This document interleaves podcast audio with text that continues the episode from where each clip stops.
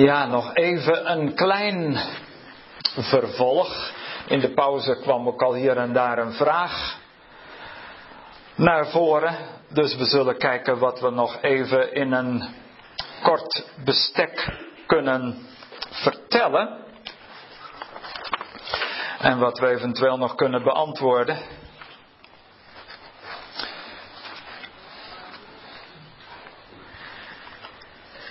Het is toch eigenlijk heel kostbaar dat eh, dat boek van de Torah. Iemand zei al, wat versta je nou in feite onder de Torah? In wezen kun je dat op drie manieren verstaan, of vier. De vier betekenissen van Torah. Dat is um, in de eerste plaats de onderwijzing. En dat kan zijn een uh, incidentele onderwijzing van God. Iets wat God in een bepaalde situatie spreekt. De tweede betekenis, dat is dan uh, de vijf boeken van Mozes. De derde betekenis, dat is uh, de hele Bijbel. En de vierde betekenis, dat is die eeuwige Torah die er al was voor de schepping. En dan moet je je even indenken, dan lopen ze daar, het volk Israël, door de woestijn. En dan eh, komen ze daar bij de berg van het verbond, berg Sinaï. En dan komt daar de stem van de eeuwige. God gaat spreken tot het hart. Oh, dan valt al het andere weg. Dan is er verder niets meer. En toen moest ik denken aan een lied. Dat we gisteravond gezongen hebben. In een van de gemeenten waar ik dan al jarenlang mag komen. Zo een paar keer in het jaar. Gisteravond was ik weer eens in Kampen. En daar maken ze zelf hun liederen. En toen eh, voor de Bijbelstudie zongen ze dit lied. En ik dacht, oh mensen, dat is zo mooi. Dat neem ik ook mee voor vanavond.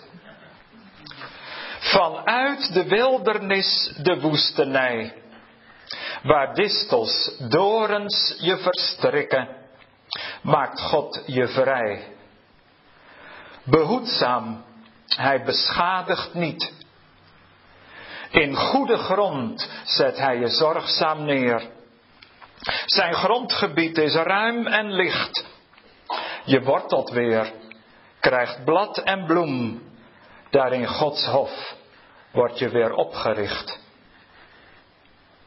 Nou, dat is die wildernis waar ze doorheen gingen. Dat is de wildernis van ons mensenhart. Dat is de woestijn waar we allemaal doorheen trekken. En dan zijn daar de distels en de dorens, dat is de vloek. En daar is de kwetsuur en de verwonding van binnen, want welk mens is er niet verwond? Maar daar hoor je bijna nooit wat over. Over de weg terug naar het hart. En over de innerlijke verwondingen. En wat een mens onderweg in zijn ziel allemaal oploopt. Oh, je kunt overal een systeem van maken en dan wordt het weer keihard en rechtlijnig. Kijk, en dan heb je weer een wet. En dan zit je onder de vloek van de wet. En dan kom je s'morgens in je tuintje en wat zie je? Dorens, distels, brandnetels. En ga zo maar door.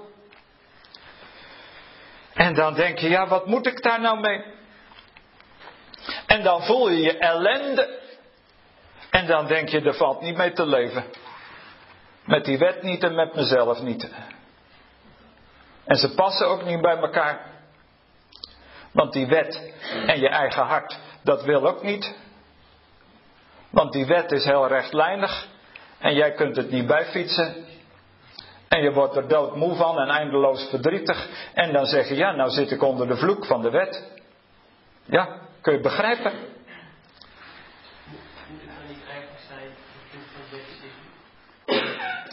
Kijk, het punt is natuurlijk dat eh, het Hebreeuws en ook het Grieks in wezen geen woord hebben voor wetticisme. Dat woord hebben wij bedacht. Om een handvat te hebben en enigszins onderscheid te kunnen maken tussen aan de ene kant die volmaakte Torah en aan de andere kant het systeem waar jij in gevangen kunt zitten. Kijk, want het heeft allemaal te maken met jouw binnenkant. Alleen, ja, het woord psychologie staat ook niet in de Bijbel. Dus als je wilt spreken over je innerlijk, dan zijn daar wel allerlei woorden voor. Maar die zijn vaak in de loop van de kerkgeschiedenis ook onder de tafel verdwenen. Want wie spreekt er nog over je ziel? Of over de roerselen van je hart? Over de pijn van het hart staat wel in spreuken. Het hart kent zijn eigen bittere droefheid. Maar wordt daar ooit over gepreekt? Het staat er wel. En dat hart, dat dan elke keer maar weer die wet over zich heen krijgt. En dat weer naar huis gaat als een vervloekte. En dat thuis dan maar weer zit te janken bij de keukentafel. En zegt, oh God, ik breng er toch nooit en te nimmer wat van terecht. En wat doe je dan?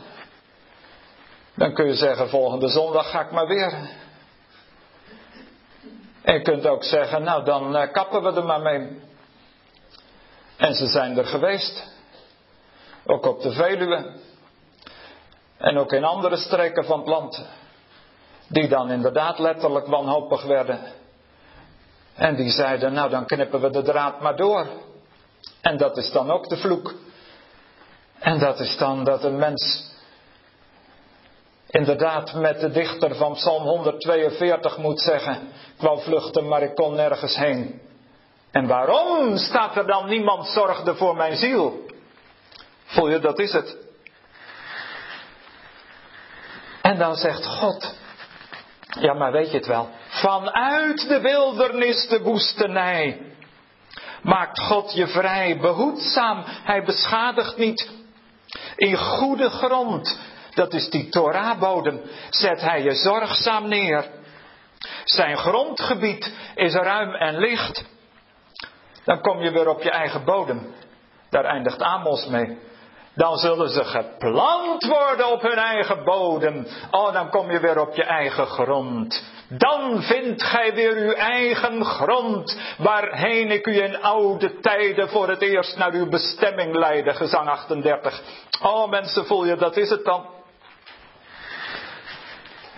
Dan zeg je, nou ben ik weer op mijn eigen grond. Want uiteindelijk hoor je bij elkaar. Die Torah en je ziel, die horen wel bij elkaar. Want het is jouw boek. Het is jouw fotoalbum. En dan neemt God dat blaadje van je ziel en God zegt, ik zal het een plekje geven in het boek van mijn Torah. Dat is het boek van mijn leven. God zegt, zo leef ik al eeuwen. Dat is mijn levensboek. Want de eeuwenoude paden zijn van hem. En voel je, maar dan is het heel anders. Dan komt die Torah langs een heel andere kant naar je toe. Niet als een knuppel om je mee te slaan. Niet als een zweepslag over je hart. Niet als een vervloeking om je de nacht in te jagen en te zeggen, en jij eeuwige sukkel, breng je er nou nog niks van terecht? Ja, dat wist ik al van tevoren, maar ik wou je het even vertellen. En dan loop je weer als een geslagen hond met de staart tussen je benen en je zegt, oh God, zie je wel, u wist het ook al. En ik had het ook altijd al gedacht. En als je voor een dubbeltje geboren bent, word je ook nooit een kwartje. En die bestaan trouwens ook al niet meer. Dus dan kun je helemaal de tent wel sluiten. Maar zijn grondgebied is ruim en licht. Je wortelt weer, krijgt blad en bloem. Kijk, en als Paulus dan in Colossense zegt geworteld in Christus, dan is dat eigenlijk hetzelfde als geworteld in de Torah. Want Jezus kon in feite zeggen, ik ben de Torah. Dat is identiek. Ik ben de Torah. Ik ben Genesis, ik ben Exodus, ik ben het allemaal. Ik ben Leviticus, ik ben de grote verzoendag. Ik ben het helemaal. Van Genesis 1 tot Deuteronomium 34 en nog daarvoorbij. En ook daaraan vooraf. Ook de blanco bladzijde voor Genesis. Ik ben het. Oh, dan kijk je naar Jezus en dan zeg je, bent u de Torah? Nooit geweten.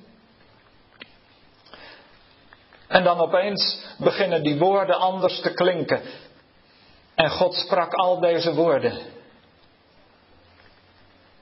Zeggende, ik ben de Heere uw God, die u uit het diensthuis, Beet Avadim, uit het knechtenhuis, uit Egypte hebt doen uitgaan. Oh, bedoelde u dat? Nooit geweten. Volgende dag gaat ook die hele Psalm 119 voor je zingen. Met die, al die coupletten. Die hele lofzang op de Torah, het hele alfabet door van Alef tot Tav. 22 coupletten. Dan zie je die dichter van Psalm 119, die had het verstaan. En die zegt op een gegeven moment ook: Schenk mij genadig uw wet. Wat zegt u? Volgens mij haalt u twee bedelingen door elkaar. Schenk mij genadig uw wet. Toratecha. Schenk mij genadig uw Torah. Maar als ik dan kijk naar het aangezicht van Jezus, in zijn aangezicht zie ik die Torah weer glanzen. Benno Jacob.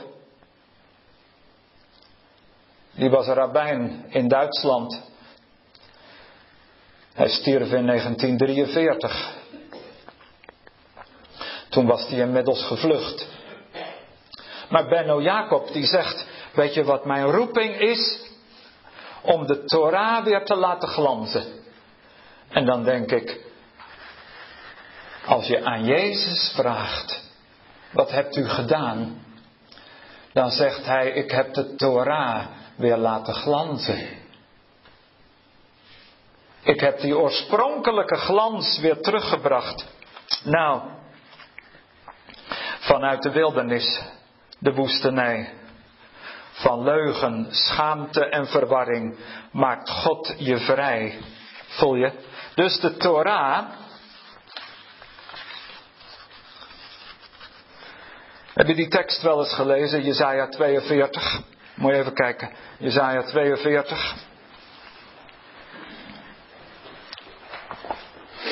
Een heel bijzondere tekst.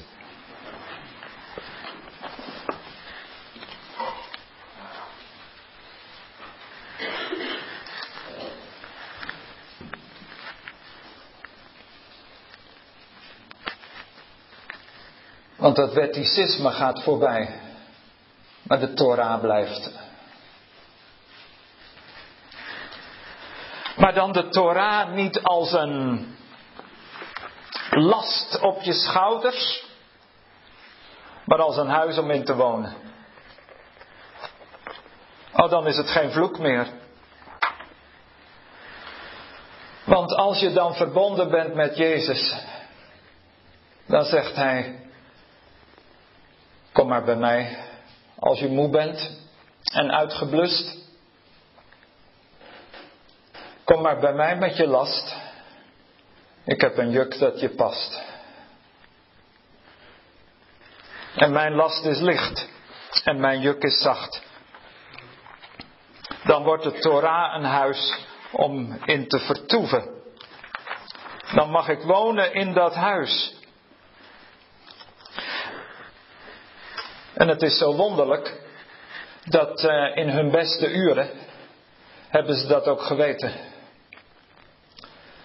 Die mensen die vaak onder het juk van de wet zaten.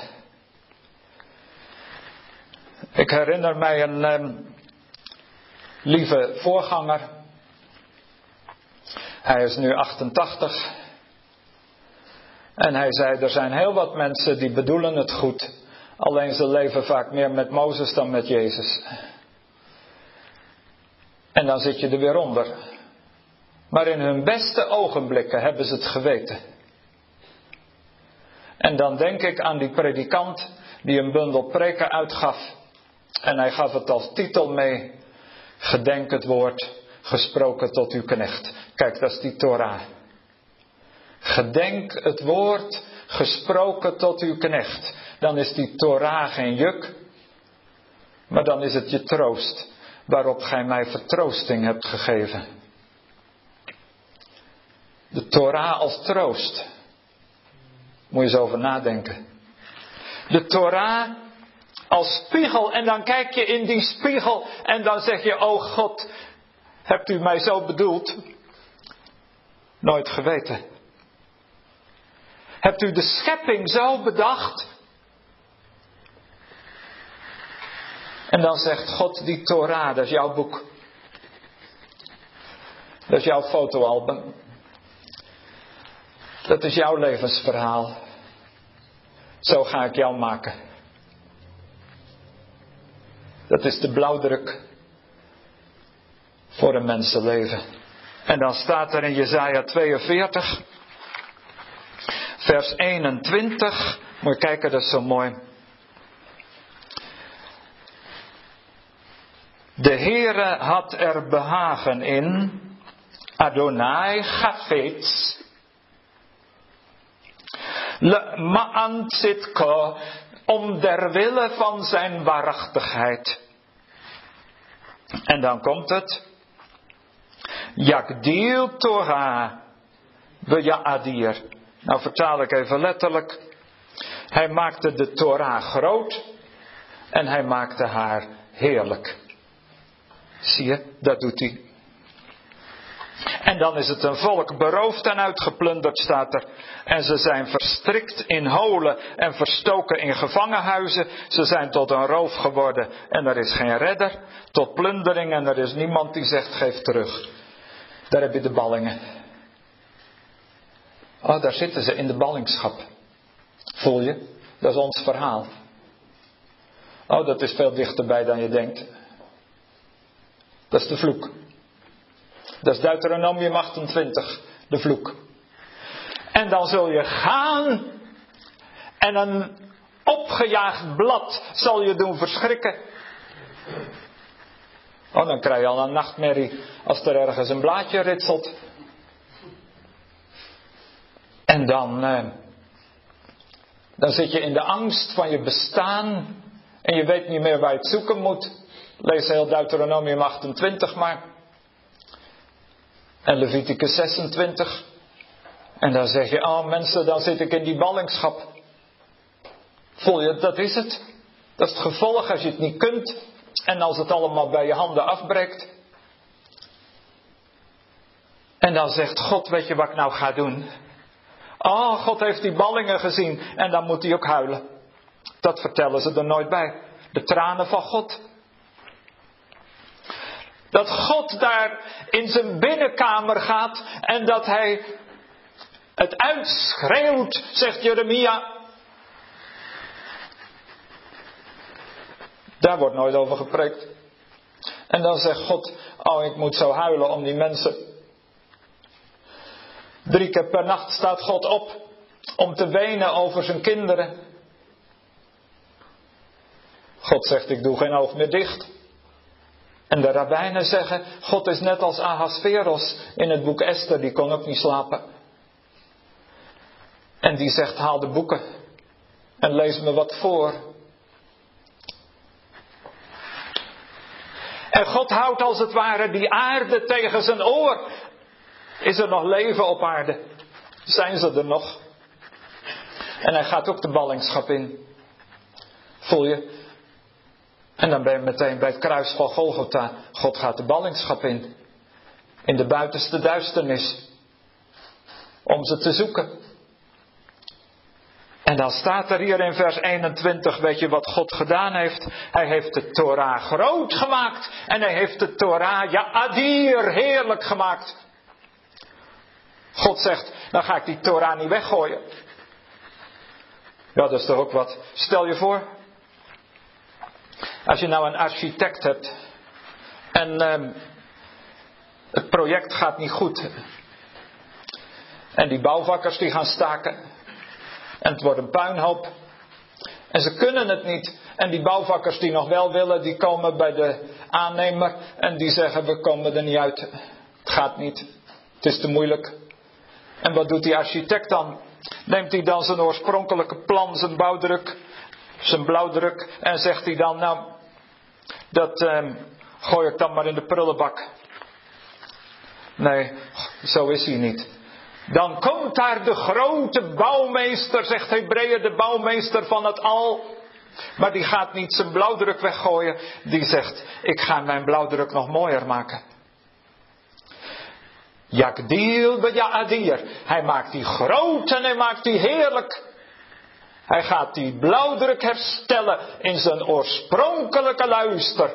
In zijn glans en in zijn majesteit. God zegt, oh we maken het nog veel mooier. En ik zorg zelf voor iemand die het kan. En dan komt Jezus. En in Jezus wordt die oorspronkelijke glans hersteld.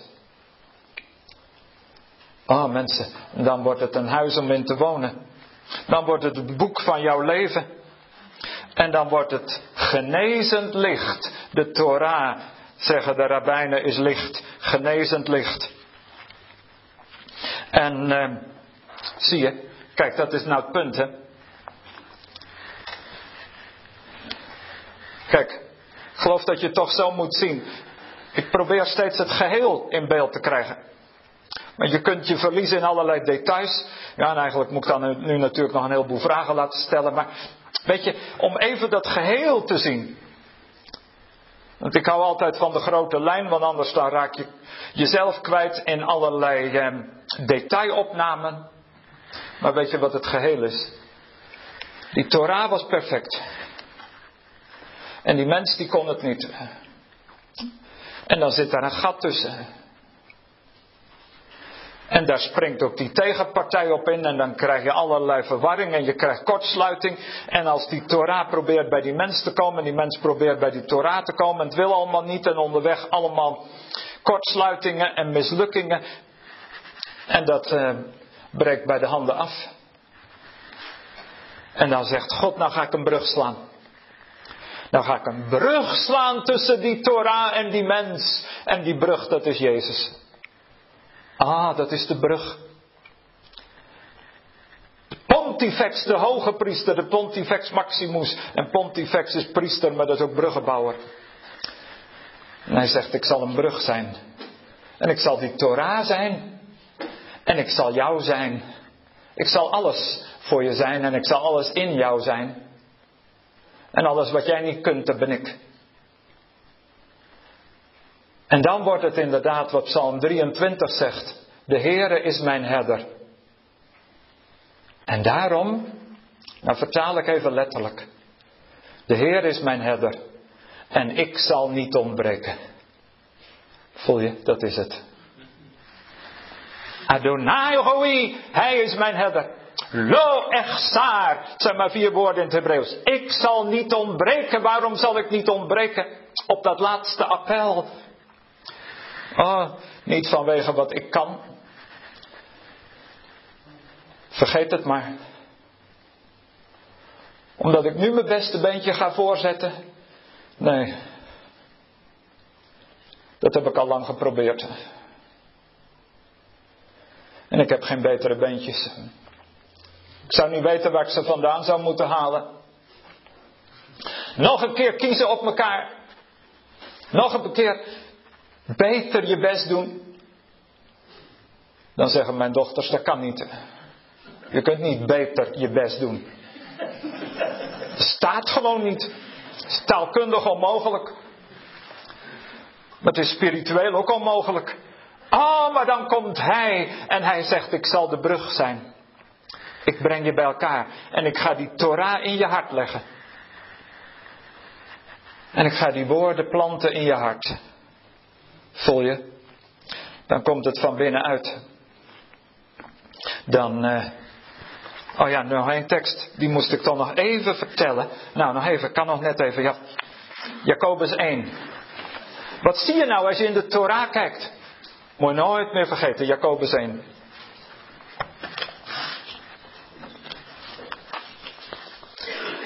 Oh, daar staat het, hè. Jacobus hoofdstuk 1.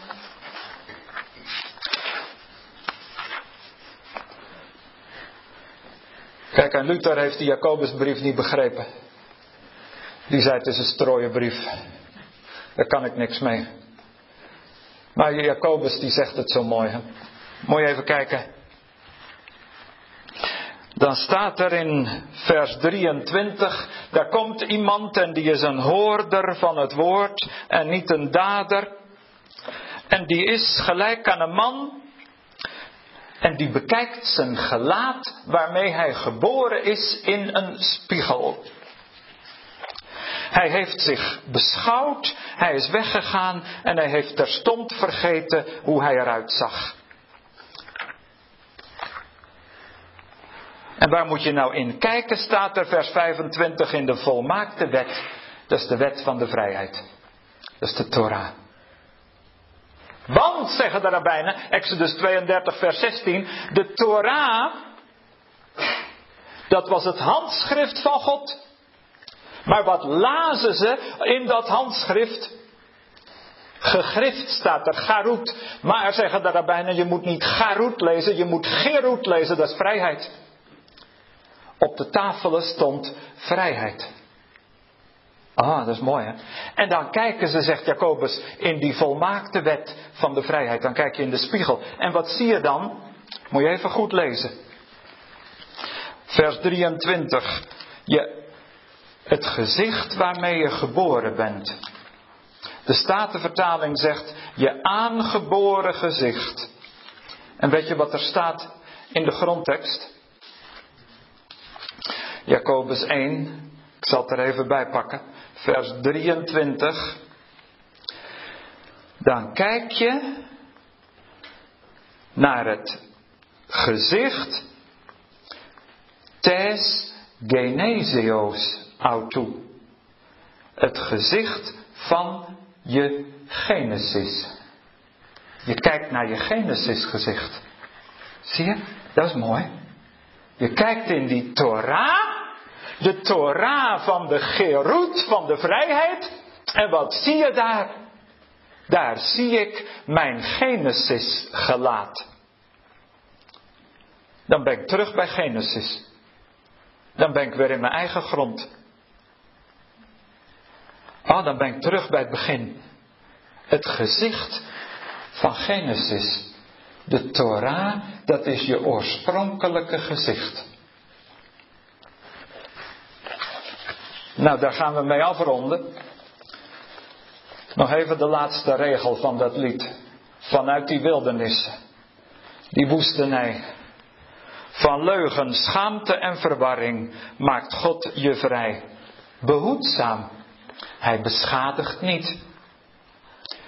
Hij is jouw kostbaar mens, bestendig trouw.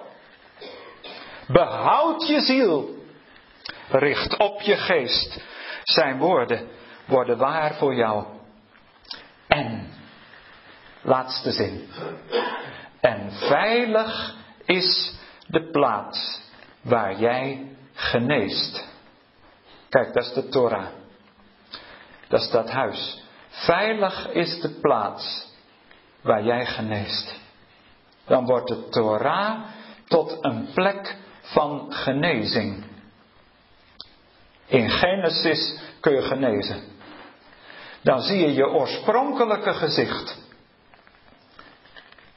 Het gezicht dat ik had. Before the world was made, zegt Yates. Het gezicht dat ik had voordat de wereld bestond. Nou, dan kun je nog maar één ding vragen. Heere God, wilt u mij mijn oorspronkelijke gezicht laten zien? Wilt u dan maar alle pijn eraf wassen met uw genade? Wilt u dan maar alle vervloekingen eraf spoelen? Dat dat oorspronkelijke gezicht weer tevoorschijn komt. Hoe hebt u mij gezien toen ik mezelf nog niet zag? Toen. Nou, zegt God, we gaan terug. We gaan terug naar het begin. En dan ga je terug naar het begin. En dan staat de Torah daar met open armen op je te wachten. En veilig is de plek waar jij geneest. Vader, laat het dan zo mogen zijn dat u ons bij de hand neemt en dat u ons brengt op die plek waar onze ziel weer heel wordt. Er is vaak zoveel op ons gelegd en zoveel beschadigd. En je vindt jezelf niet meer terug. En je gedachten zijn dichtgegaan, dichtgevroren. En je wist niet meer wie je was. Heer Jezus, wilt u ons dan meenemen? Terug. Terug naar Genesis. Terug naar waar het vaderhart begon te denken. En begon een plan te ontwerpen. Toen al. Toen was u al vol liefde. En toen hebt u mijn gezicht gezien. Zoals ik het zelf nog nooit gezien had. Breng ons dan op die plek waar we veilig zijn. Waar het bloed van Jezus ons reinigt. En waar we van binnen heel gaan worden. En dan hebt u nog een blauwdruk achter de hand. Voor ons leven. En een blauwdruk voor de hele kosmos. Uw Torah. Met die Torah zult u alle dingen herstellen. Met die Torah zult u de hemel en de aarde en al wat daarin is weer oprichten. Dat komt nog. Dankzij Jezus. Amen.